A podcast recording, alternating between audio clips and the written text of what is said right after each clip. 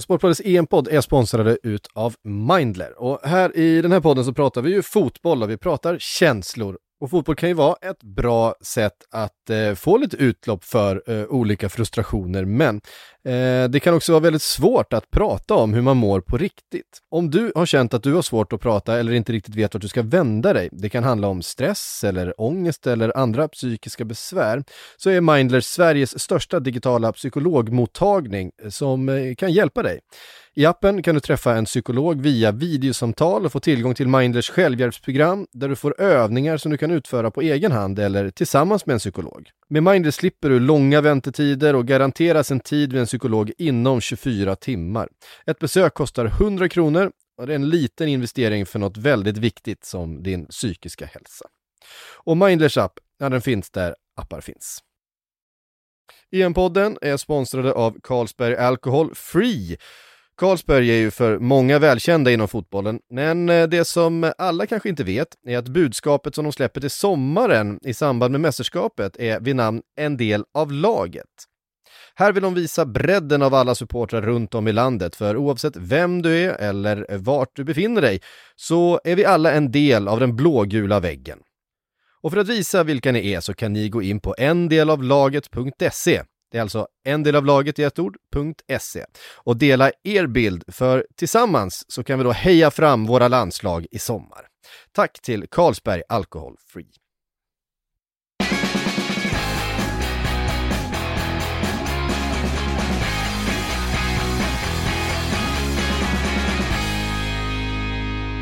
Ja, men hjärtligt välkomna hälsar vi då till Sportbladets EM-podd. Patrik Syk heter jag, med mig i studion har vi Makota Sahara. Hej!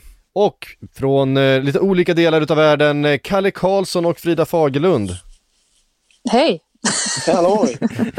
Oerhört drömmig uppställning. Eh, det här är Sportbladets Premier League-podd som har samlats för att prata EM. Ehm, eh, sånt mys. Vi ska prata lite England också faktiskt, eh, men vi sparar på det en liten stund. Vi måste ju såklart börja med Sverige. Sverige-Polen, 3-2 i Sankt Petersburg. En eh, redan klassisk tillställning. Visst att Sverige redan var klara för åttondelsfinal, men det var ju så oerhört mycket som stod på spel ändå. Vilka man skulle få möta, vilken dag, vilken plats och så vidare. Och eh, seger var ju Kanske med undantag för, för alla svenska supportrar då som eh, gärna hade velat åka till parken till exempel. Men så var ju seger en eh, enorm fördel för, för Sverige. Och det var ju under total kontroll dessutom. Var det en sån sak? Enligt Hasse Backe var, ja, var det ju snälla, aldrig någon Ja, precis. Dra den för mig. För att jag, jag har inte riktigt förstått var, varför alla pratar om Hasse Backe efter den här matchen. Jag är nyfiken på alltså, varför. Grunden här är ju att i första halvlek så konstaterade Hasse Backe i sändningen att Sverige har total kontroll på tillställningen matchen. Och då ska det ju, känns det ju som att det, det, finns en liksom gränsdragning mellan vad total kontroll och full kontroll är. För att ja, full kontroll hade de ju inte på matchen i alla fall. För Polen skapade det mesta, hade mest i XG. Det kändes ju inte direkt som att Sverige var under kontroll, men Backe fick ju rätt i slut, det var ja. ju lugnt, det var ju en 3-2-seger. Kalle, Kalle du, som är, du som är fotbollstränare, skulle du kalla det där full kontroll? Nej, det skulle jag inte. Sen vill jag ändå försvara Backe lite, för grejen var väl att han sa väl det under första kvarten där och då kändes det ju väldigt tryggt. Sverige kom ju in väldigt bra i den här matchen. Men sen var det ju det att han fortsatte med det sen när den totala kontrollen egentligen bara rämnade till att vara ja, allt annat än kontroll. För att eh, Polen hade ju en rad chanser och det kändes ju väldigt farligt. Eh, även när Sverige ledde matchen så det var inte så att man satt lugn i i sin stol. Utan Nej, eh, det... det... var ju verkligen så att det var... Eh, ja, det var en sån där match där vi behövde ha en Olsen som var i toppform, vilket vi hade och så vidare. Så att, eh, ja, det var, väl, eh, det var väl lite olika åsikter om det verkligen var total kontroll. Men det var lite av en klassiker han levererade i, i tv-studion, eller i eh, kommentatorsbåset där, Backe. För att Eh, det blir nog ett sånt där mantra man kan köra när saker inte är under total kontroll i, i framtiden. Så kan man säga, hänvisa till att det ändå är det. Ja, exakt. Backe. Eh, för jag menar, eh, ribbträffen från, eh, från Lewandowski, det var, det var rätt gånger nära. Gånger två. Ja, gånger två dessutom. Ja, det är otroligt att han, vi ställs så kanske allra bästa striker och han missar den typen av lägen. Gör två andra mål som, ja, Visserligen det andra målet bjuder vi ju honom på, eller försvaret på i alla fall. Det är väl Danielsson som går bort sig lite där. Men eh, hans första mål, Lewandowskis, det var ju ganska hög klass på det ändå. Mm, verkligen. Ska vi ta oss igenom matchen då lite från, eh, i, i någon slags kronologisk ordning, eh, drömstart såklart för Sverige. Första anfallet egentligen, Emil Forsberg med ett, eh, ett riktigt klassavslut får man säga. Visst att bollen kanske lite turligt dimper ner för Sverige där, Alexander Isak i en, eh, någon slags 50-50 duell. Han skulle väl haft frispark där egentligen. 50-50 duell vet du. Ja, men alltså, han, blev, han blev ju manglad. Ja, jag, jag, men, jag menade inte att, att själva tacklingen jag menar kanske inte att själva, att själva tacklingen var 50-50, var men det var i alla fall en situation där bollen inte var under kontroll från något av lagen. Eh, men nådde fram till eh, Emil Forsberg eh, som ju bara ja, helt kyligt rullar in den i, i eh, bortre stolpe. Precis, alltså så bra avslut man kan man kan göra egentligen. Även 2-0 målet var ju ett fantastiskt avslut verkligen bara. Ja, det är ju, en, det är ju ännu högre eh, ja. klass, eh, verkligen. Emil Forsberg som vi har väntat lite på. Jag tänkte precis säga, alltså tänkte precis använda de exakta orden. Vi har väntat lite på att han ska komma igång för att mm. han såg ju han var ju den spelaren som var starkast egentligen under vänskapsmatcherna här inne, eller träningslandskamperna innan turneringen. Och sen har vi inte riktigt fått se honom Främst eftersom att matchbilderna inte riktigt har passat honom. Men här mm. klev han ju verkligen fram. Han tyckte väl att Alexander Isak hade fått lite för mycket rampljus så att han ville sätta dem på plats. Det är inte som att han, han är inte den mest ödmjuka killen med tanke på att han döpte om Sankt Petersburg till Sankt Emilsburg efteråt. Det, då, då, då, måste man ha lite, man måste vara lite kaxig för, för att göra någonting sånt. Men eh, helt, helt välförtjänt. Helt ja. välförtjänt. Ja, och jag tycker att eh, när jag har varit nere, jag har varit på två stycken landslagssamlingar och kollat på träningar och så vidare och, och Emil Forsberg, han har verkligen utstrålat det här, en spelare i form. Han har sett oerhört avslappnad ut, det har varit mycket eh, liksom eh, skoj på träningarna, lite klacksparkar, sikta på kryssen. Eh, han, har, han har sett oerhört tillfreds ut och det, han har verkligen utstrålat det som man brukar se hos en spelare som verkligen är i form och som har det där självförtroendet. Så att jag hade en liten sån där eh, känning där, framförallt efter eh, Göteborg. Eh, när jag var där nere att det här kommer bli Emil Forsbergs eh, EM snarare än någonting annat. Det var mycket snack om Alexander Isak och, och så vidare. Såklart, med all rätt. Och det har ju varit Alexander Isaks eh, EM eh, hittills får man ändå säga. Men, men det var skönt och jag tror att eh, för Emil Forsberg själv att få den här matchen och få göra de här två målen som ju dessutom är av väldigt hög eh, klass, båda två, de avsluten.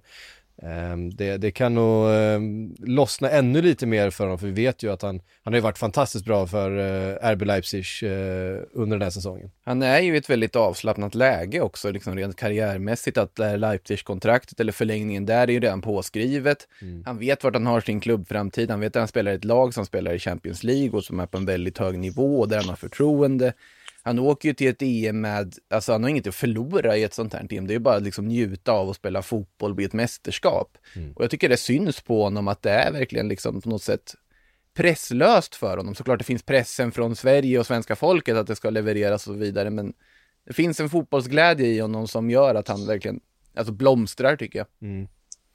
Man såg också, det var en och annan, det var en liten, ett par gliringar som jag uppfattade från Lewandowski också, eh, just mot eh, Emil Forsberg vid något tillfälle när de hade eh, en av ganska få närkamper just de två emellan, de befinner sig ju inte riktigt på samma ställe på planen, men det var vid något tillfälle då eh, den ena kanske hade klivit in med någon liten, liten eh, eftersläng och, eh, och sådär att det eh, Ja, det fanns, det fanns lite Bundesliga-rivalitet däremellan också som jag tyckte mig uppfatta vid någon, eh, vid någon duell de två emellan och det, det, det uppskattar man ju. Det gör man. Eh, när sånt följer med. Eh, vad säger vi annars, eh, Kalle, om eh, den svenska insatsen och den svenska taktiken här? Det, det började ju starkt, första tio minuterna var ju, var ju Sveriges helt, men sen vart det mycket försvar igen. Robin Quaison från start istället för Marcus Berg. Naturligt val tycker jag. Mm. det var väntat utifrån hans starka inhopp i matcher innan. också utifrån att man behöver testa honom och se om det är det som är lösningen där framme. Eh, nu kan ju lösningen vara något helt annat.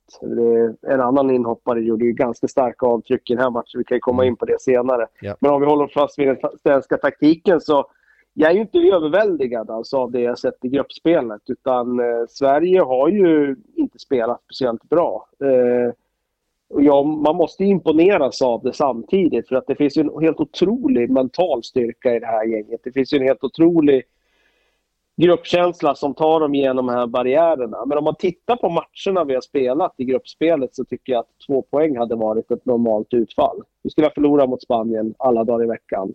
Vi skulle ha fått en poäng mot Slovakien. Det, ja, möjligen vunnit den matchen tack vare en stark andra halvlek. Men ja, kryss hade nog varit ett möjligt rimligt utfall.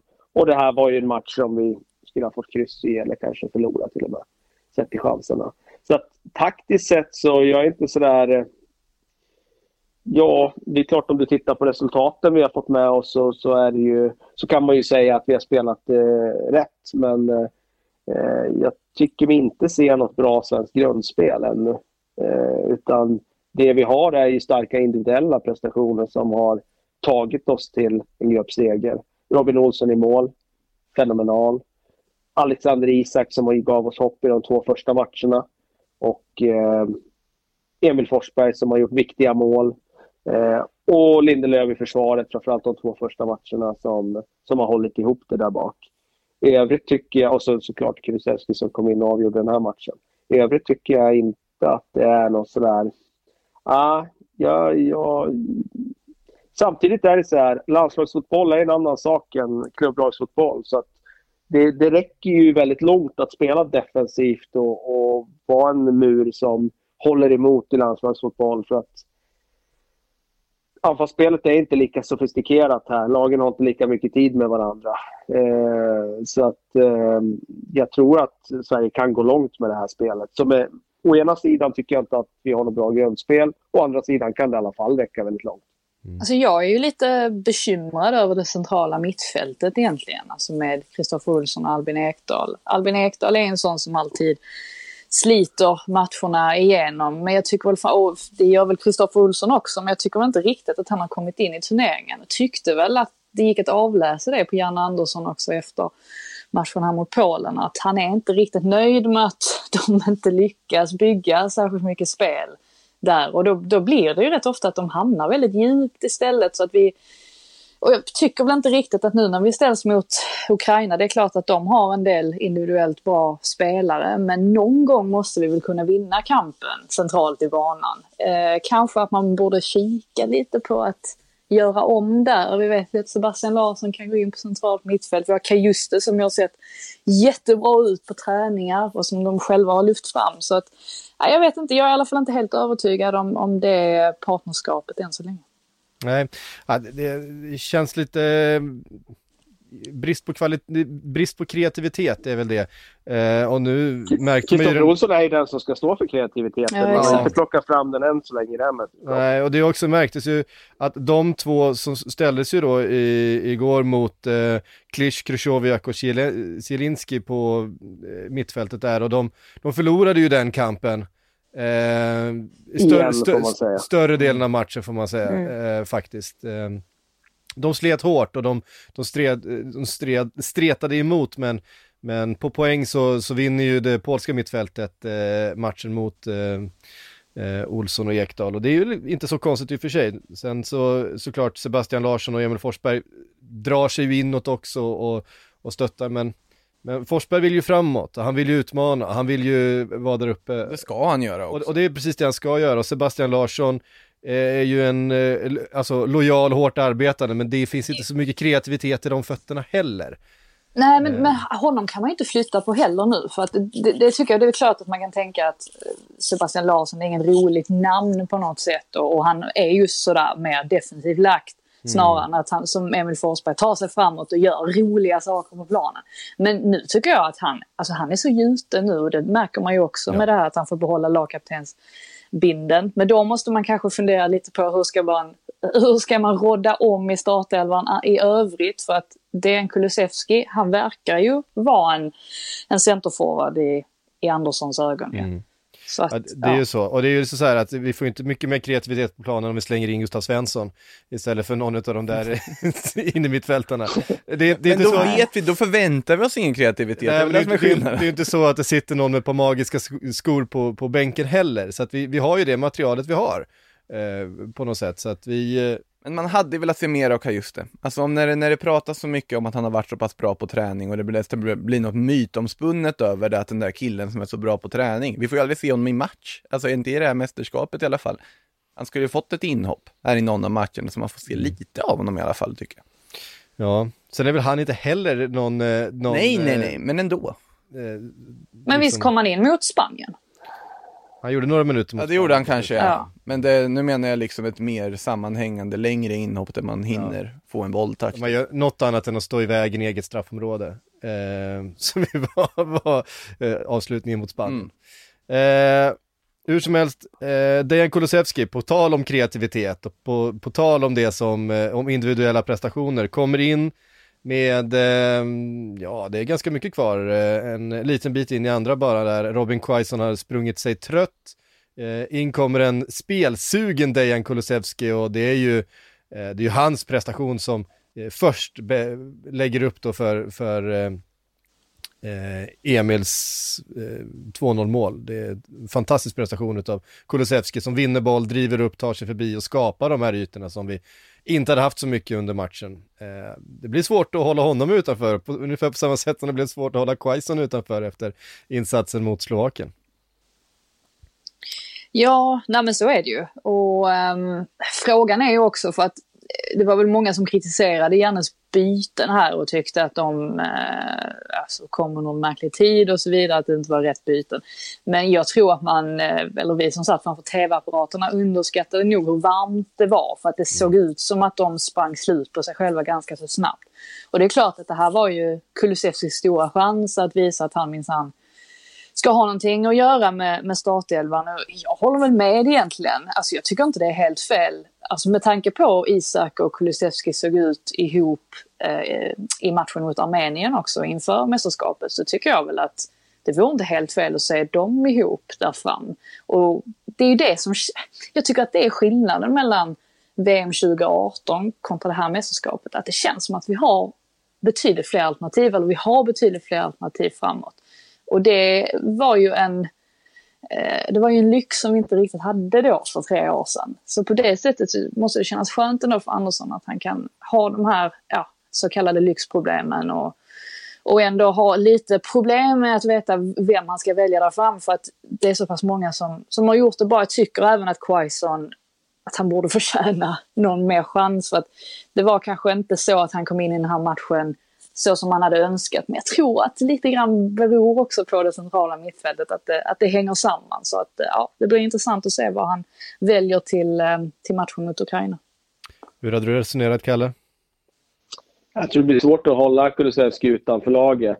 Eh, så att jag, och han kommer inte spela som någon högermittfältare som många kanske skulle vilja se. För att Sverige är inte balanserat på det sättet. Och Janne tänker ju inte i de banorna. Det skulle helt rubba balansen för svenska laget.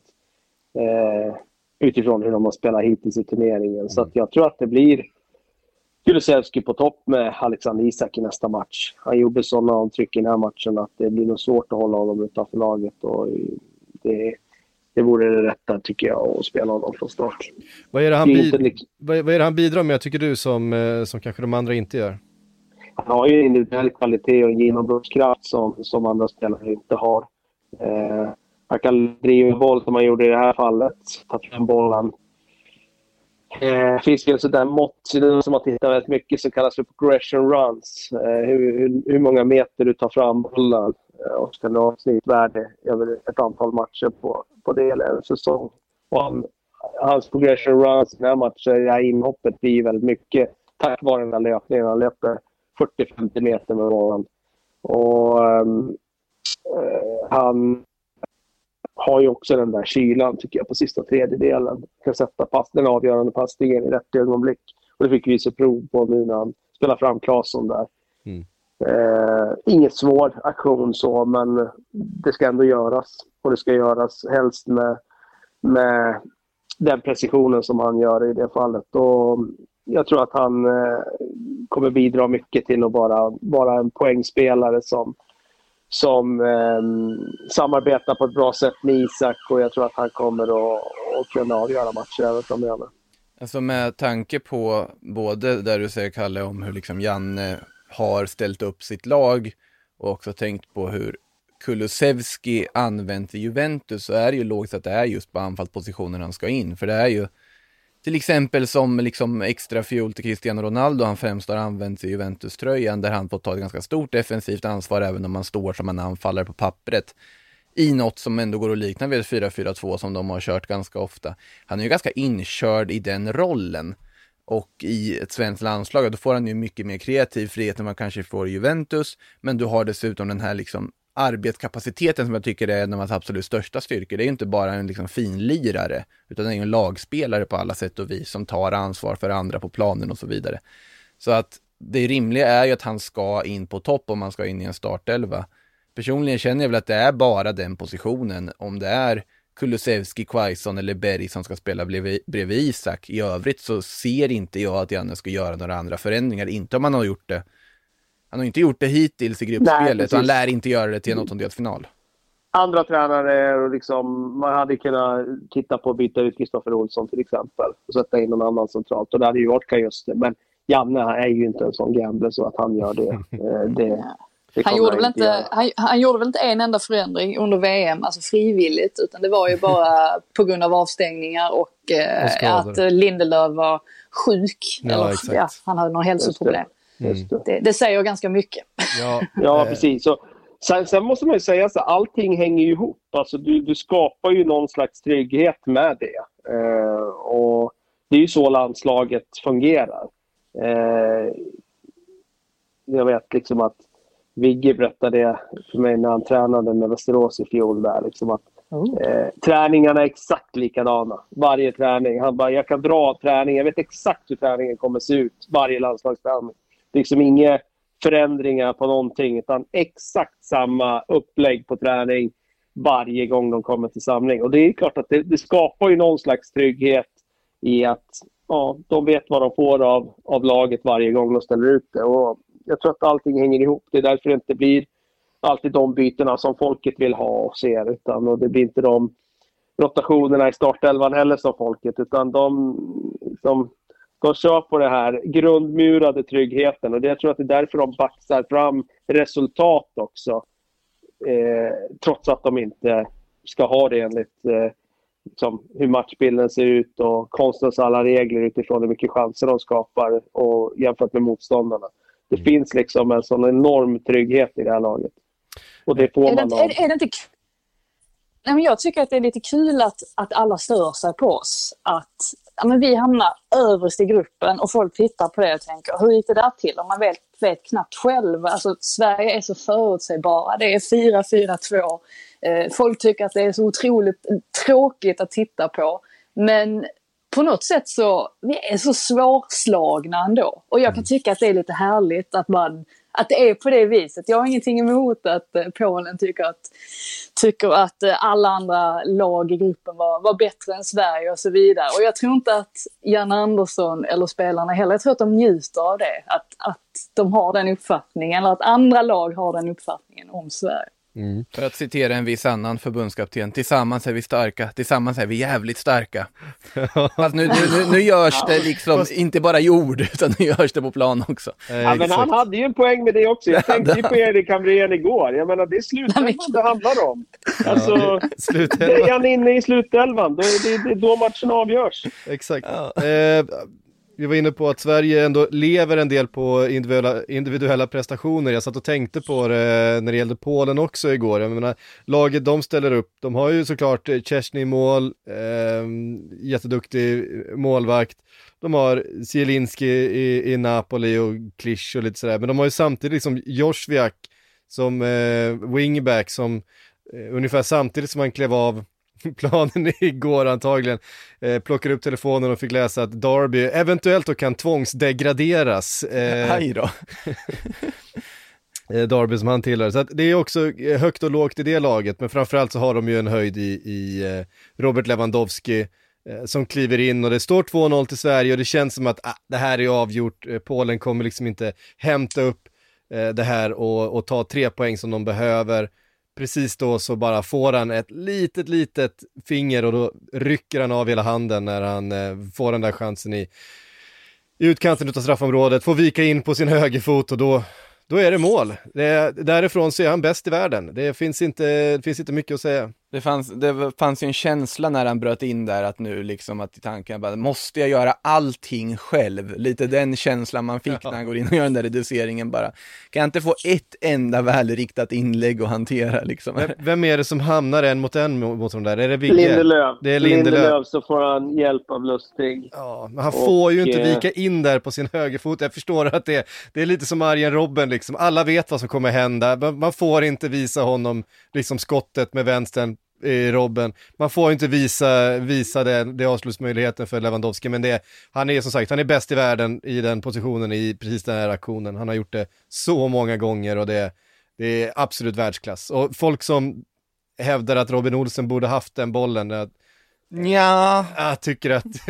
Nej, den ska inte. Det, det, det, det, det, är inget, det är inget mål som man kan lasta honom för. Nej, Däremot alltså... kan vi ju lasta eh, de svenska mittbackarna för agerande vid Lewandowskis andra mål. Där ska ja, vi väl samtidigt hylla honom för hans rörelser i boxen. För där, om, om han är bra på att avsluta är han väl just som boxspelare. Där kan vi verkligen fastslå att det inte finns någon som knäpper honom på fingrarna i dagens fotboll. Där är han ju överlägsen. Ju... Eh, och just det där bara att ta de där stegen, bara två steg och till höger för han blir det ju då mm. i boxen där när han bara smiter in bakom ryggen på Danielsson som har följt upp med att markera. Är det Swiderski eller? Jag tror det är Swiderski som kommer in, ja. i en diagonallöpning in och, och Danielsson går ju i fällan direkt. Mm.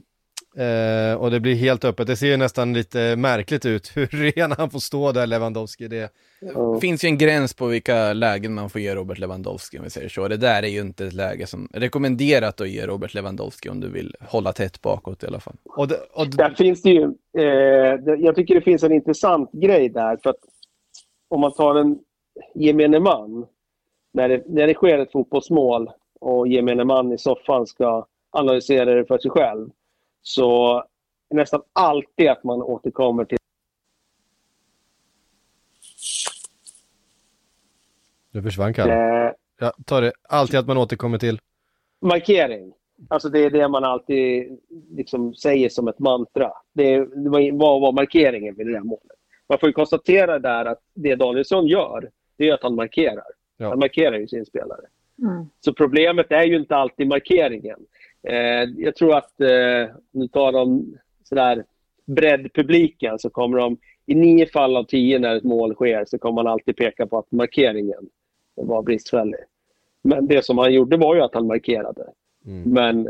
Eh, han borde han, inte bakom sig. Han, nej, han, man, man markerar ju. Han ja. har zonmarkerat istället för kvar i sin zon så, så hade ju han eh, tagit över markeringen och markerat Lewandowski istället. Drar du en lans för zonförsvaret här, Kalle? Nej, jag drar en lans för att man ska inte alltid tjata om markering. Det är en stor, Nej. stor, stor missuppfattning bland de som eh, eh, ska försöka sig på att analysera fotboll att säga att det är markeringen som brister. För att, eh, att markera, det är inte alltid en fördel. Kan man, kan man kort sammanfatta det som att markera hellre bra än markera för mycket? Eh, ja, det skulle man kunna säga. Sen finns det nog flera bottnar i det svaret, men det, det kan man ju säga. Eh, I det här fallet så hade det varit bättre för honom att lämna över eh, Siderski till nästa spelare och ta upp markeringen på den spelaren som kom in i hans zon. Ja. 2-2 eh, blev det där och då kändes det ju verkligen som att eh, då, då växer ju hornen på de polska spelarna såklart. Men de måste ju också vinna. En, en poäng räcker ju inte utan de, de måste ju bomba framåt och det syntes ju hur trötta eh, de polska försvararna var eh, de sista fem minuterna när de försökte ösa på framåt och de blev lite lite få i försvaret och... Um, Kamil Glick har väl trött vid avspark eller? Kamil, Kamil, Kamil Glick är ju kanske inte den, eh, den tempostarkaste mittbacken till att börja med. Eh, men stor och stark är han och han vann mycket dueller under, under matchens gång men till slut orkade han inte helt enkelt. Och Viktor Claesson, om ni inte har eh, lyssnat på intervjun som vi eh, la ut igår, som eh, Simon och Johanna gjorde då under Fotboll Radikal eh, som vi la ut här i EM-poddfiden Så kan ni lyssna på Viktor Claesson. Eh, vi kanske får säga det till landslaget här att om man, om man gör en intervju som vi släpper samma dag som det är match så, så är det garanterat mål. Eh, så kanske vi får ännu fler intervjuer Kanske vi, framöver. får, kanske vi får se Jordan Larsson på plan också. om, vi, om vi drar det mantrat och Eh, talar om att det är så. Viktor Claesson i alla fall kommer in och um, det är ett, det är ett fint avslut i slutet ändå. Han, den, ska ju ändå in bollen. Eh, visst att han blir ren och det är ju igen Dejan Kulusevski var inne på det där som är, som är kylig i den framspelningen. Ehm, 3-2 till Sverige och eh, nu bär det iväg till eh, Glasgow Frida. Ehm, Ja. Och match Välkomna. mot Ukraina. Ja, välkomna, det, vi får inte åka dit. Eh, Nej, just det. Stanna hemma. Sorry. till, till eh, såklart Camp Swedens eh, förtret då. De kanske hellre hade sett att vi kom tvåa i gruppen och hade fått spela på parken. Eh, och vi hade kunnat ha en, eh, en stor folkfest. Nu blir det Glasgow och eh, inga tillresta supportrar. Eh, så är det med den saken. Det är Uefas eh, märkliga upplägg som eh, bäddar för detta. Så att det var lite frustration från spelarna också som gärna hade sett lite fler svenska supportrar på plats Ja, till eh, men det. Jag kan väl ändå tycka att det är väl bra att länder inte ruckar på sina karantänsregler allt för Ja, mycket. nej, Det, nej. har ju, det har ju blivit en, en stor grej här till exempel att eh, regeringen, eller Uefa har tvingat till sig, vad är det, 2500 eh, ja, platser eller folk som kan gå eh, slippa karantänsreglerna när de kommer in i landet bara för att de är VIP-gäster då till Uefa och ska gå på matcherna, semifinalen och finalen. Och det har skapat väldigt mycket debatt här borta för man menar på att ja, men om alla vi andra måste sitta i karantän i tio dagar, hur kommer det sig att de 2500 VIP-gästerna är mer är mer värda. Men den undantagsregeln finns ju även för journalister. Det är ju därför journalister kan resa emellan de här platserna för att de slipper isolera sig. Men det är ju också för att man vet om att de lämnar landet inom 24 timmar eller vad det är oftast. Att de reser vidare till någon annan plats. Men det är väl klart att det är, det är trist för supportrarna men, men samtidigt så det är, det är så det är här borta och så har det varit här. Alltså ända sedan, ända sedan pandemin slog till. Nu vet ni lite grann hur jag har haft det. Ja, precis. Det är väl därför de kanske borde skrotat hela upplägget med att spela i tio olika länder med tio olika regler eh, och spelat på ett och samma ställe där det hade kunnat finnas tydliga regler eh, och alla hade kunnat veta vad som gällde. Eh, Fina Ungern skulle vi spelat i alla matcher. Men alltså, den här ungen, nu får vi ta... för, för din egen del Frida är det väl ganska trevligt med Glasgow-lottningen eller? Eh, jo, men det finns ju en annan match den dagen som jag kommer Ja eh, just gå det, den där lilla detaljen ja. Nu ska till eh, Wembley och se Tyskland vinna på straffar. Ja, och den, eh, jag kan ju säga att det är självklart att man har velat vara i, i Glasgow, men eh, att få se England möta Tyskland på Wembley, det är så att, alltså jag, jag får ju gåshud bara jag tänker på det. Till och med jag får gåshud där i studion och jag ska inte vara där. Yes. Nej, det kommer bli någonting extra. Vi ska prata England och Tyskland när vi kommer in på grupp D och grupp F här. eh, Och det gör vi alldeles strax Spanien efter... kanske man ska säga något om först. Ja, vi kanske ska säga något om Spanien såklart. Ehm, 5-0. Alltså det är väl det man kan säga, alltså de får ju utlopp för allting. Det var ju som Luis Enrique sa att det var, trots att Morata missar straff. trots att Morata missade straff, Pablo Sarabia 1 plus 2 kan vi bara konstatera och var helt fantastisk i den här matchen när han Vi fick som, har, starta. vi Jag- som har sågat Sarabia så många Undrar, gånger. vad gör han i truppen? Ja, där, där fick man. Eh, men eh, Luis Enrique pratade om att det här är på något sätt en kavaflaska som ska öppnas och bara liksom börja sprudla. Och det får man väl ändå säga, nu var ju inte Slovakien kanske så här jättebra, de fick väl lite hjälp av att Dubravka började volleyboll, smasha in bollar i eget nät och sånt. Men såklart, Lite hjälp. Lite hjälp ja. Och eh, det var väl, Pau Torres fick väl en hel del hjälp med hans mål som till och med blev ett självmål där tror jag när det var Ja. plockepinn i straffområdet. Men såklart det här var jätteviktig seger för Spanien på alla sätt och vis och få utväxling på sitt bollinnehav och sina XG-siffror och faktiskt omvandla dem till mål och nu då alltså vidare för en för, till en åttondelsfinal, även de också, efter lite om och men. Precis, vilka, eh, ska se vilka möter då Spanien i sin eh, åttondelsfinal? Det hade jag ju framför mig här alldeles nyss. Men Ja, det hade jag också framför mig. Ja, jag hade det framför mig i huvudet, jag men... eh, bläddrade bort det lite i Eh, min iver. Check. Nej, Spanien inte möter Tjeckien. Kroatien. Just det. Kroatien. De fick ju Köpenhamn eh, Ja. Exakt. tillställningen där istället såklart ja. Yes. Eh, det blir också en spännande match. Eh, nej men så är det, Spanien tvåa då i, i grupp E efter Sverige och Slovakien. Eh, då eh, ska vi se här, vidare eh, eh, mot, nej. Slovakien och Nej, Polen de- är Slovak, Slovak. Slovakien missade det, de blev inte en Ja. av treorna som gick Ja, vidare. de tappar ju målskillnaden där och då smög ju Ukraina förbi Så på var det. betydligt bättre målskillnad. Och sen så levde ju Finlands hopp där ett tag fram tills eh, Grupp F avgjordes under gårdagskvällen. Precis. Då ett mikroskopiskt hopp. Mm. Vi eh, ska gå vidare då och prata lite Grupp D eh, och Grupp F också. Men först några ord från vår sponsor. Sportbladets EM-podd är sponsrad utav Unibet.se och för att hjälpa oss igenom den här biten då med att ta fram några riktigt mustiga spel så har vi med oss Steven Lee Holmdahl från Sportbladets spelsajt. Eh, Tjena Steven Lee! Tjena Patrik. Vad har du hittat när vi nu närmar oss liksom upplösningen utav gruppspelet? Ja, Jag har ju grottat ner mig i Sveriges match eh, mot eh, Polen då, helt och hållet. Spelbolagen här verkar ju eh, hålla Polen som favorit. Eh, på, kan man väl förstå på ett sätt eftersom det är de som verkligen måste vinna. Men eh, jag tycker inte Polen ser sådär överdrivet bra ut. Nu gjorde Le- visserligen Lewandowski mål senast, men han har ju haft lite problem med målskyttet i landslaget också.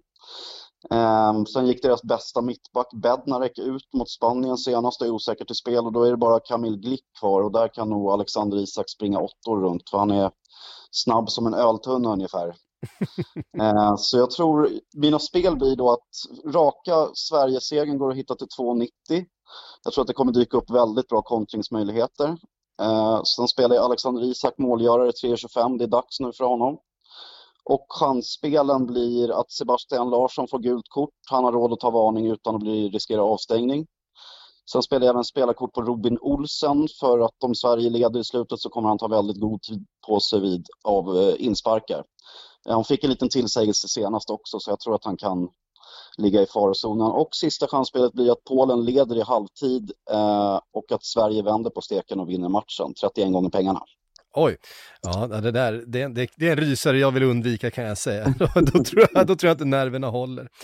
Ja, eh, Hörru du, tusen tack eh, Steven Lee och de här oddsen och spelen hittar ni såklart på unibet.se. Och glöm inte att du måste vara 18 år för att spela och märker du att du eller någon i din närhet spelar lite för mycket så besök stödlinjen.se och spelpaus.se för att läsa mer om spelmissbruk och hur man pausar sitt spelande.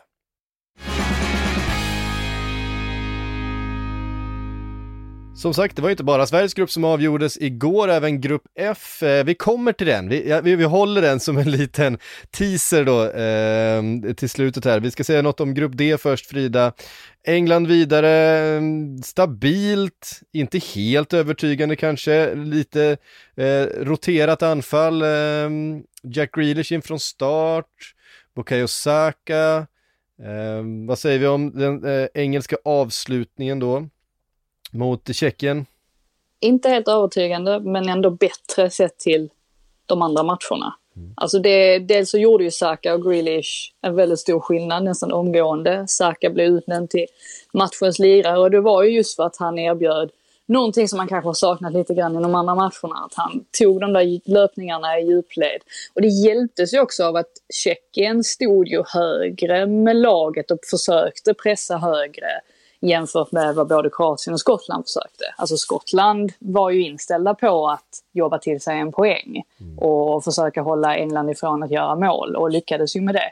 Här fick de lite mer ytor och dessutom så märktes det ju att Southgate hade sagt till Luke Shaw och Kyle Walker och gett dem tillåtelse att flytta upp lite högre. För det har också varit en sån där lite, lite överraskande grej att ytterbackarna har ju slagit så himla få inlägg. Nu har de ändrat om lite, så var ju Trippier första matchen där och Kyle Walker på andra sidan och, och sen så har de eh, ändrat lite fram och tillbaka. Men det har varit ganska tydligt i att ytterbackar har nog blivit tillsagda att ligga ganska djupt. Här tryckte de upp betydligt högre och det gav ju utdelning nästan direkt i och med att Luke Shaw Eh, han, det var ju han som spelade fram den här bollen till Raheem Sterling när han drar bollen i stolpen efter, vad var det, två minuter, två, tre minuter, någonting sånt där. Och sen så är det ju Kyle Walker då som eh, kombinerar med Saka som skickar bollen till Grealish och sen skickar Grealish bollen till Raheem Sterling som eh, får göra ännu ett mål. Så att det blev ju en, det blev ju en bra kväll på så vis att England vann den här gruppen. Man höll Tjeckien ifrån att göra något mål, har inte släppt in något mål hittills under turneringen. Men det finns ju fortfarande frågetecken kring deras spel. Grejen är väl nu när de går in i, i eh, åttondelsfinal mot Tyskland så har ju tyskarna märkligt nog också underpresterat. Så att det är nästan ändå som att England behåller favoritstämpeln i och med att de spelar på Wembley. Och det kan säkert göra ganska stor skillnad att mm. de känner att de har sin hemmaplan. Och det är samma grej som gäller där. att Tyska fans kommer inte få resa in i England. Däremot så finns det ju många tyskar som bor här. Så det, det är klart att de kommer ha ett visst stöd ändå. Men eh, det, det, England har ju fått det lite som de har velat. Men med det sagt så har det inte klickat helt i, i spelet än så länge under turneringen. Nej, eh, Bukayo Saka som sagt in före Jadon Sancho till exempel till eh, mångas förvåning men Ja, men det är någonting som har hänt där. Alltså jag, vi, vi får inte se träningarna, men det måste vara så att Jadon Sancho inte har varit bra där. Att, att det helt enkelt är andra spelare, som i det här fallet Saka, som har varit betydligt bättre. För att jag nu fick han väl komma in, vad var det, med sju minuter kvar, Sancho.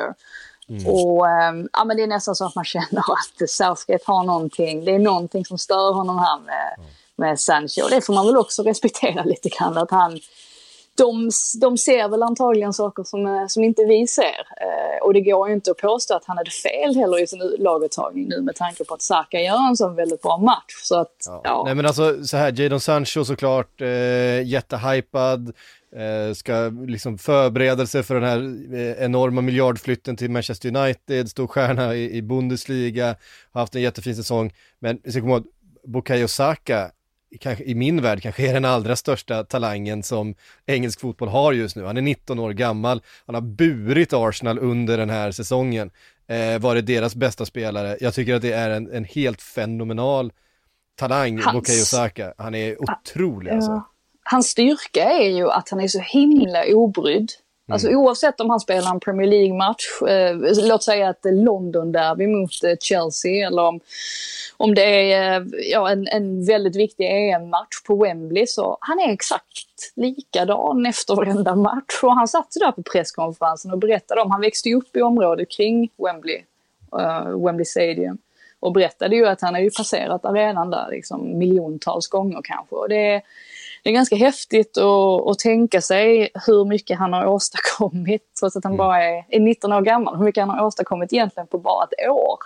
Eh, och hur stor skillnad det kan göra. Så att han är, han är en personlighetstyp som säkert är väldigt lätt att jobba med. Och Raheem Sterling sa ju det efteråt också att ja, men Saka han är så omtyckt av alla i omklädningsrummet och Southgate menade på att de hade slagits med, med häpnad av honom, alltså hur, um, hur lugn han var och hur um, Ja, nej, men att han, han lät aldrig nerverna komma åt honom så att det är kul att se att han, att han lyckas. Och nu tycker väl jag lite också att han borde få en större roll kanske. Alltså Phil Foden har ju varit bra tycker jag, men han har inte övertygat sådär väldigt. Så att jag tror ändå att det är ganska jämnt mellan de här två nu. Dessutom har ju Bukayo Saka någonting som ingen av de andra eh, som slåss om samma position faktiskt har. Han har ju ett försvarsspel som är, han är ju verkligen tvåvägsspelare. Eh, han, han är en riktigt duktig försvarare dessutom. Eh, förutom allt offensivt han, han har i sig. Så att han har faktiskt en, en edge över till exempel en Jadon Sanchez som kanske inte har försvarsspelet som sin, som sin främsta styrka och inte Phil Foden heller får man väl ändå säga, som är mest eh, eh, offensiv och kreativ. Alltså eh. mitt i det här samtalet, det enda jag kan få i huvudet är så här när Southgate ska försöka hålla någon sorts taktiksnack med laget där på den stängda träningen och så.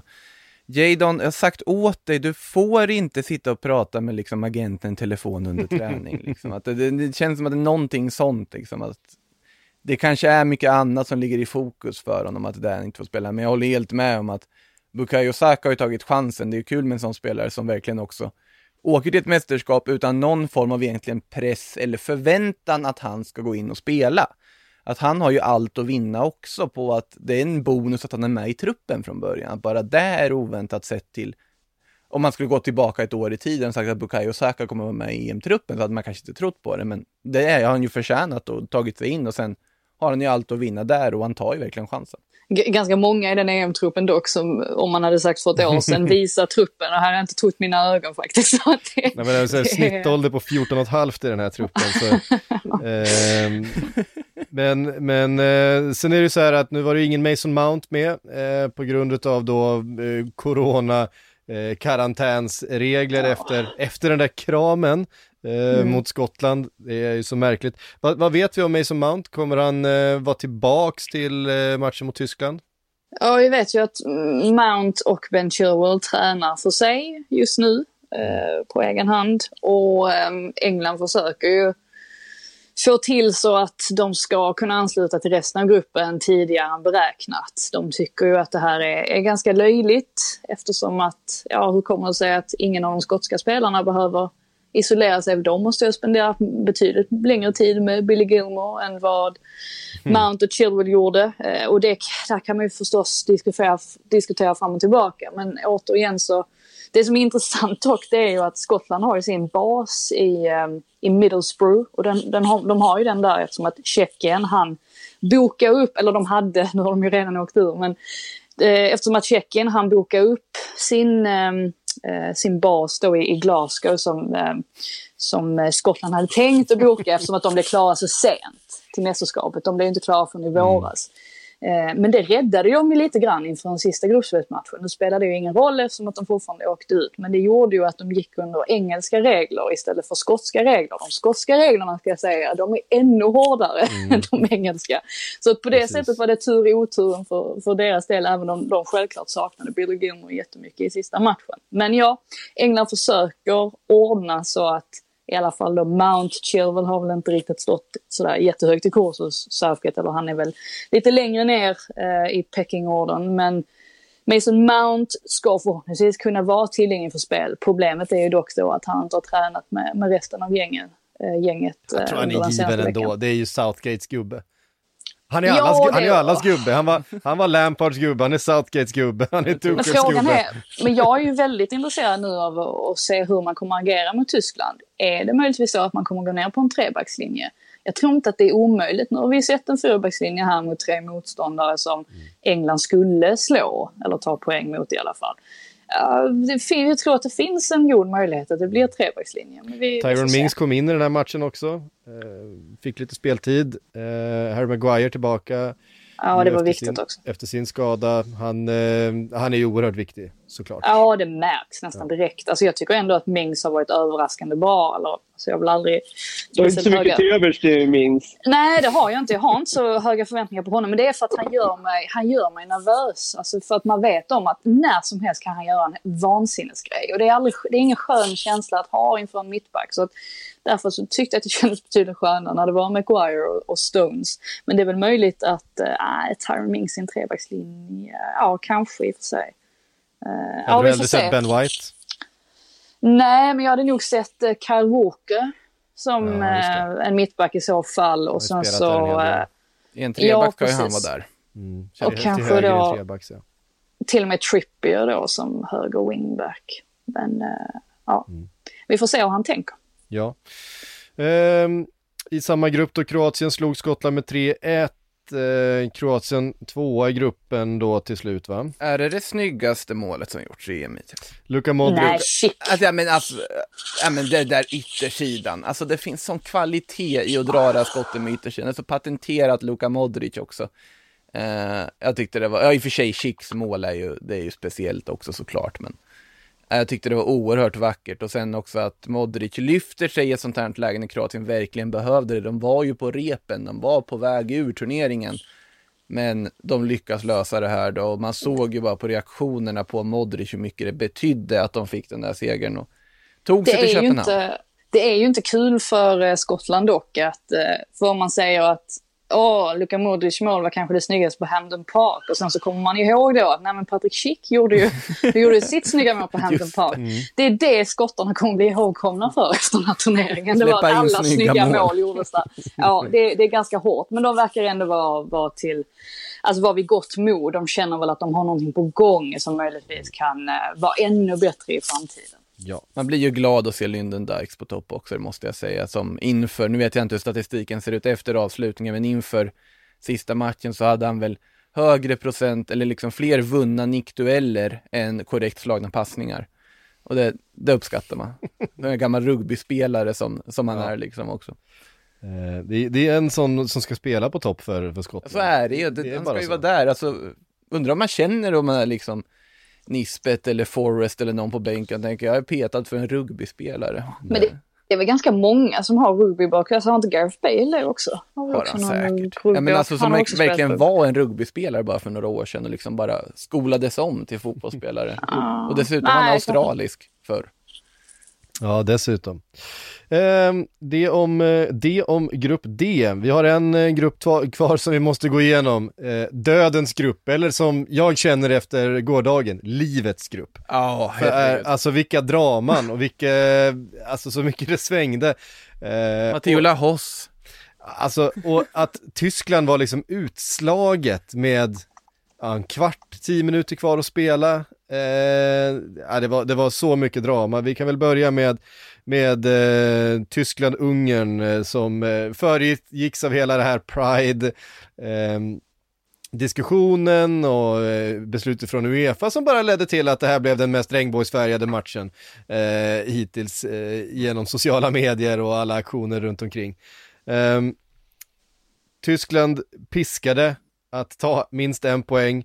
Eh, det tog 11 minuter, sen hade Salah gjort 1-0 till Ungern och man kunde nästan känna hur Kevin Bader åldrades någonstans här i närheten. det, var, det var, var arga tyska ord på Twitter i första halvlek och sen var det tyst på hans Twitter-feed under resten av andra. Eh, men alltså Tyskland är väl lika bleka som de varit tidigare, går in i samma gamla fällor och ser lika uddlöst ut liksom. Mm. Ungern ska ju faktiskt, fotbolls landslaget Ungern då ska ha all cred för hur de hanterade den här turneringen. Man var så nederlagstippade som man var på förhand och ger faktiskt alla tre av matcherna så gör, gör de en match av det. Mm. De håller Portugal på stång i 80 minuter, de tar poäng mot Frankrike, de tar poäng mot Tyskland. De kan ju lämna turneringen med höga huvuden verkligen. Och för att de gjorde allt de kunde verkligen. Ja. Eh, sen kände man att Tyskland ryker när de hittar kvitteringen och därefter då i anfallet efter. Ja, det, går, det, går liksom, det går så snabbt så att bildproduktionen hinner knappt med från liksom repriser och firanden och sådana saker. Ja, men jag satt i en gruppchatt med några kompisar och sen då när jag ser Tyskland göra 1-1 liksom precis, så kommer det liksom fina Ungern. Jag bara, men vad då blir det offside? Nej, 2-1. Vadå, vadå 2-1? Och då var man ju efter i sändningen och sen kom, ah, där kom 2-1 också. Mm. Så det var, äh, det var helt bizarr match, alltså en bizarr avslutning på den där gruppen också också.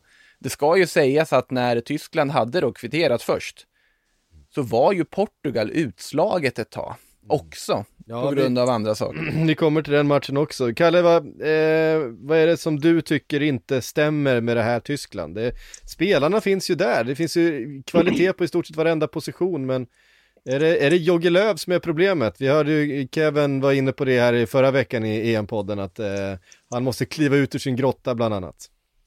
Ja, nej, men jag, tror, jag tror att det ligger någonting i det. Eh, de har ju faktiskt vacklat en, över längre tid nu också.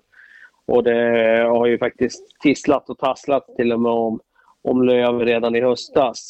Eh, så att eh, jag tror att det bara är naturligt att har man varit på sin post så länge som han har varit och det har varit så mycket framgångar så förr eller senare, förr eller senare så kommer det att innebära att man dippar trots att man har bra lag, trots att man har bra spelare. Så man, man går bara på den där niten. Det är bara att titta på Spanien som hade en helt otrolig ställning i, i världsfotbollen med tre raka mästerskap. Men så kommer man gå på en nit förr eller senare. Och det gjorde ju Tyskland i VM senast, när man bara kraschade ut i gruppen. Och mm. jag, jag tror att det spelar ingen roll om man har bra spelare, om liksom själva känslan runt laget är att det kanske behövs någon förnyelse, om det är på tränarbänken eller om det är någon annanstans. Men eh, de, när de har sin dag så kan de svepa undan vilken annan nation som helst. De hade ju det mot Portugal. Eh, en riktigt, riktigt bra match. Så att, eh, det är svårt att placera in det här tyska laget eh, den här turneringen. För att eh, det känns som ett varannandagslag. Ja, de, har ju liksom, de skapar 18 målchanser enligt statistiken. Är, eh, 90, alltså 76% bollinnehav och 90% pass accuracy. Eh, det, är, det, är liksom fina, det är fina siffror, men det var som att det... Jag hade ju känslan av, alltså i vissa matcher så känns det bara som att det här kommer inte gå. Eh, och de, de jagar det där målet och det blir mer och mer ångest och sen när Kai Havertz till slut då styr in den här märkliga returen eh, i, eh, i 66 minuten och så direkt ska det varkollas och man tänker nu har de hittat, nu är det någon liten offside eller någon touch eller någon hand som är på bollen eller något sånt där. Det bara kändes som att, ja men nu tittar VAR på det, nu kommer det liksom inte bli något, det går bara emot. Nej, VAR klarar det! Och sen precis när de har gått tillbaka och visat reprisbilder och så vidare, då, då pang smäller det i andra änden så gör Ungern 2-1. Alltså. Det bara kändes som att det här, det här kommer inte gå för Tyskland, men Leon Goretzka kom in, ehm, på slutet och gör faktiskt ganska stor skillnad. Plus då den här 17-åringen, vad heter Jamal han? Jamal Musiala. Jamal mm. Musiala. Eh, en spelare jag inte hade koll på inför det här eh, mästerskapet. Ha, hade kunnat representera England. Mm. Är det så? Han valde ju Tyskland. Precis, var ju strålande i Bayern München har han ju varit, slagit igenom där och då var det ju prat om det skulle bli Tyskland eller England. Han valde Tyskland och har varit utanför matchtruppen här i någon av, vet inte om båda eller i någon av i alla fall av första mästerskapsmatcherna, men får ju det här inhoppet när Löv är desperat för att uttrycka det milt i slutändan. Och han tar ju sin chans, Musiala mm. verkligen. Han, man märker att det finns otroligt mycket fotboll i de fötterna. Han eh, liksom fördelar bollen på ett smart sätt, tar smarta aktioner, hjälper till på alla sätt och vis och är väl till och med till viss del inblandad i det här målet med inspelet som då föranleder den här utbytet av blockerade skott och passningar där runt straffområdet som då blir det där 2-2 målet från Goretzka. Så att Musiala med ett jättefint inhopp och han lär ha stärkt aktien och borde ju garanterat vara med i truppen i alla fall till åttondelsfinalen mot England. Mm. Eh, onekligen, han kommer ju in och det är ju han som faktiskt ligger bakom det här anfallet som till slut blir matchavgörande ju när ja. Goretzka eh, kan styra in bollen för, eh, för 2-2 och sen är det några nervösa minuter på slutet där för Tyskland, men de håller ju ändå undan och, och blir till slut då tvåa i gruppen för eh, Portugal som eh, också spelade 2-2 i sin match mot Frankrike, ett till, ett till superdrama. Eh, Matteo Lahos show. Ja, det får man säga. Eh, Jäklar vad bestämd han var när han dömde straffen, den här första alltså. Det var så... Det, var ju, det är ju hans show när han dömer liksom. Ja, ja, det, men det, det säger... Spaniens Mike Dean det, det, är inte klokt egentligen. Alltså när man tänker på det. Alltså en, en, en domare ska inte kunna han ska inte kunna ha så stort inflytande ja, men... på match. Alltså det är klart att han kan det, men det är ju helt bisarrt. Och det värsta är ju att man tycker ju ändå att Ja men den första straffen tyckte jag ju var straff. Vi kanske kommer in mer på det senare. Jag men jag menar den, den, and, den, andra straffen. Alltså var, var hittar han Och varför gör inte VAR någonting? Varför, varför, varför kliver inte de in och rättar till? Aj, ja, nej. Jag minns inte vilken, vilket eh, spanskt entourage som sitter i VAR-rummet, för det är väl också spanjorer som sitter där. Men eh, jag giss, om jag inte är helt ute och cyklar så är väl Hernandez Hernandez på något sätt inblandad. Eh, har ingen dator, jag kan, live, kan inte live-googla detta. Men alltså med Lahos, man får ofta frågorna där så fort han har en sån här show, att liksom, hur kan han få döma så här stora matcher? Ja, det är för att han är en fruktansvärt bra domare i grunden. Det är det som är det intressanta. Men han, dömde ju, han dömde ju Champions League-finalen och var ju faktiskt bra i den. Ja. Ja, han, han, grät ju efter när han fick medaljen. Han var ju så stolt över sin insats också. Men, men det säger också en del om hur liksom uddlös den CL-finalen kändes, alltså på att Lahos inte tog kommandot. För Matteo Lahos är ju liksom är en domare som florerar när strålkastarna är på, när det är de största matcherna, det är då han bara plockar showen fullkomligt. Men däremot när han ska döma Eibar Cadiz i La Liga, ja då är han bara allmänt klockren och anonym. För då vet han att strålkastarna inte är på. Så att, på spelarna ändå. Och det var därför jag var förvånad över vad han gjorde i CL-finalen, men det sa väl något om inramningen där också antar jag, att han, han inte då bara briljerar, men här, liksom Portugal, Frankrike, nu har han chansen att verkligen visa upp sig, ja då gör han ju det också. Och man blev så glad att se att det gick ju rykten om att han skulle gå i pension efter det här EMet. Men visst finns han med på listan över registrerade La Liga-domare till nästa säsong, så att gå aldrig i pension Matteo Lahoss, för att det är en, jag tycker det är någon som förgyller fotbollen, det måste jag säga. Ja, och tittar vi på, eh, på eh, målgörarna, två mål av Cristiano Ronaldo och två mål av Karim Benzema. Det är ju superstjärnorna som, eh, som kliver fram här och visst, det är tre mål på straff. ja, det ska väl nämnas i sammanhanget. det, det ska men, det göra. Men det, men det fjärde, det som inte var på straff var ju oerhört vackert också. Alltså den, det här förarbetet av Paul Pogba, den passningen hur han ser den. Löpningen, Benzema och avslutet är ju otroligt hög klass på det målet. Ja, han har visat klass den här turneringen. Han har ju haft några mm. helt otroliga passningar i den här turneringen. Jag tänkte precis säga det, att jag är förvånad över att det inte har pratats mer om Pogba. För att när man har spanat eh, in lite, ja men vissa tidningar och, och folk på sociala medier som har gjort sitt eh, gruppspelslag så saknas han ganska ofta där, vilket jag tycker är väldigt förvånande. För det är klart att matchen mot Ungern var väl eh, kanske inte Frankrikes bästa match den senaste tiden, men jag tycker definitivt att han var avgörande under den första matchen mot Tyskland och var mm. dessutom avgörande här, så att han, han ser ut att kunna få en, en riktigt bra turnering. Men är det inte så att när folk gör mål och sådär, det är då man syns? Jag menar, hade han gjort mål på det där skottet igår som han tippade i stolpen där, ribban eller vad det var, då kanske han hade fått lite större rubriker idag. Vem fick man of the match för den matchen? Vet någon det? Laos. Igår. ja. alltså jag sk skulle väl tippa på Cristiano kanske. Han var inte bra. Han gjorde bara en massa mål. Jag tycker ju Renato Sanchez faktiskt ja. har klivit fram och varit ruskigt ja. bra ja. spelmässigt. Och där, där såg man också att det var ju en spelare som eh, förbundskaptenen inte kunde hålla utanför startelvan. Han har ju startat med sitt defensiva liksom eh, ja. block där på Danilo Pereira och William Carvalho tidigare. Nu fick kastade han in Renato Sanchez från start och det ger ju en effekt i offensiven för Man det. märkte du i första matchen mot Paul, eller mot, mot Ungern att det är ju, eh, det blev ju skillnad när ja. Renato Sanchez kom in. Det behövdes en, en länk mellan, mellan eh, mittfältet och anfallet och han är ju verkligen en perfekt sån länk. Kommer ju från en jättefin säsong i Frankrike. Mm. Um, så att han, har, han kanske äntligen då kan hitta sin, uh, sin nivå som vi trodde för några år sedan här när han, när han slog igenom. Han har ju anonymt varit var... och petat på den. Kan man väl säga. Ändå i Lille och så vidare som du ja, nämnde. Ja men verkligen. Mm. Jag tror att det var Karim Benzema som fick man of the match.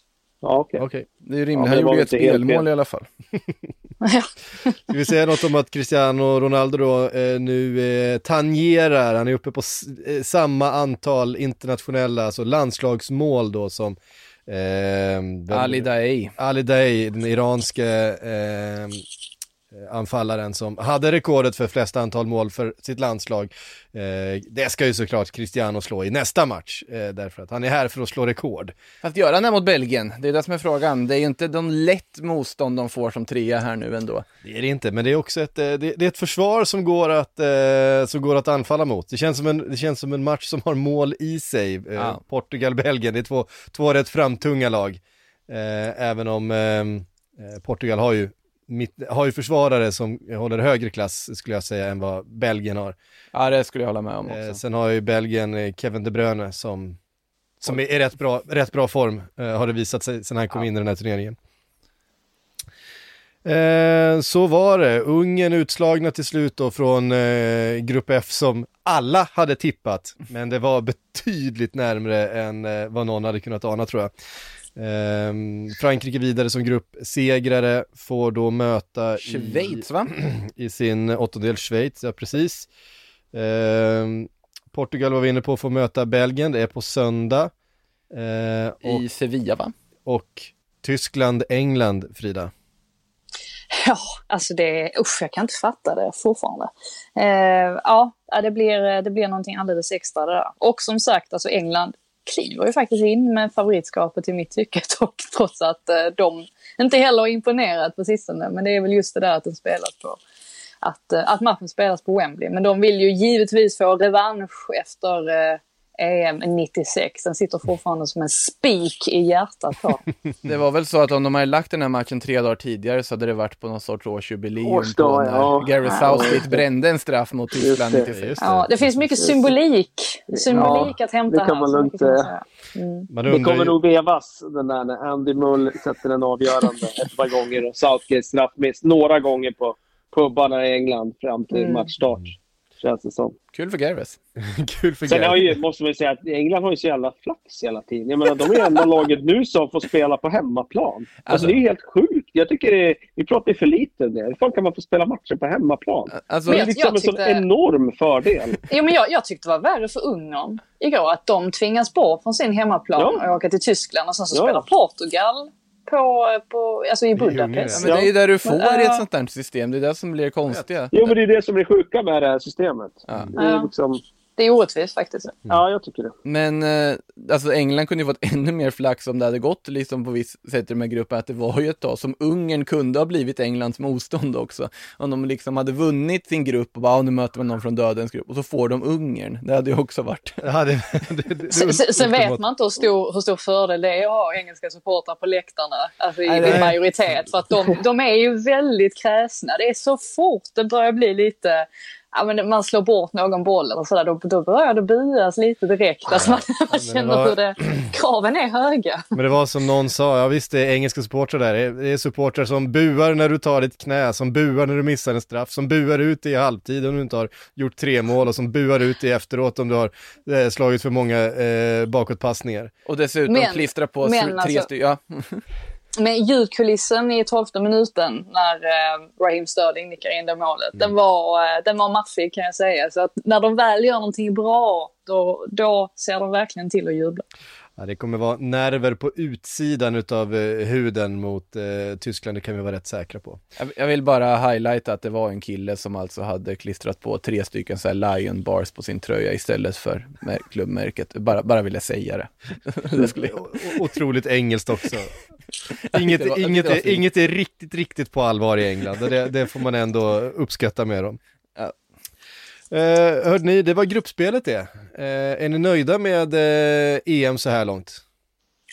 Ja, verkligen. Ö- Faktiskt att det har varit över förväntan. Jag trodde att gruppspelet skulle bli betydligt mer eh, ja, mer krampaktigt. Eh, att vi skulle få se många trötta spelare. Så jag är verkligen positivt överraskad. Alltså grupp F räddade för mig, ska jag säga. Egentligen alltså att den här avslutningen på grupp F räddade väldigt mycket av känslan att då, då fick man verkligen den här stämningen att nu är det på allvar. Också när en favorit håller på att falla på det här sättet som det var. Så jag, jag tyckte att den, det är den stora höjdpunkten tycker jag. Såklart kombinerat med Danmarks comeback från det som liksom skedde dem i början av säsongen. Att Sverige faktiskt får två segrar och ett kryss i en grupp. Jag vet inte, när har det här hänt senast? Att Sverige gör ett sånt poängmässigt bra gruppspel. Det har jag svårt att Nej, Ser du, är ju jättenöjd. hitta i minnesbanken. Så att ja, det är ett mycket trevligt gruppspel. Bättre än 16 i alla fall. Mm. Kalle, håller du med?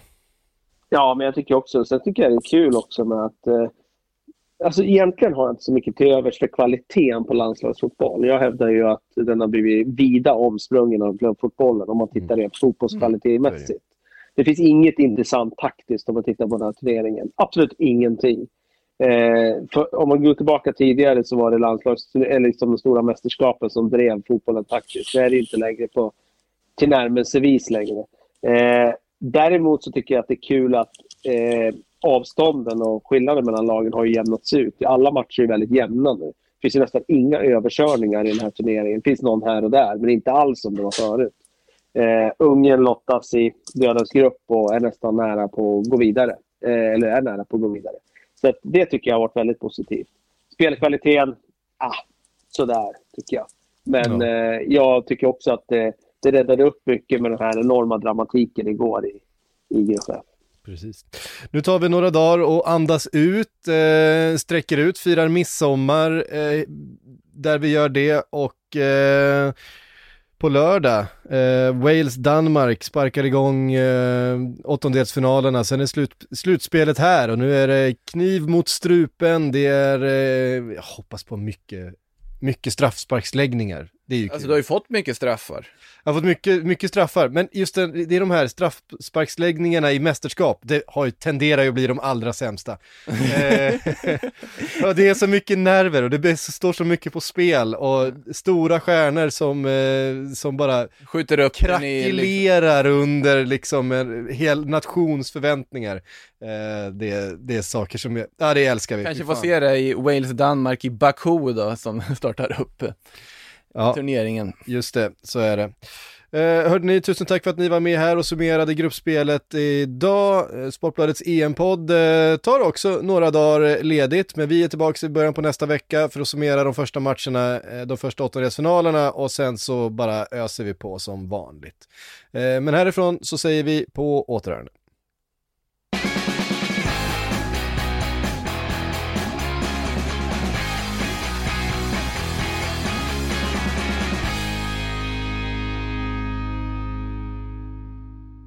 Du har lyssnat på en podcast från Aftonbladet.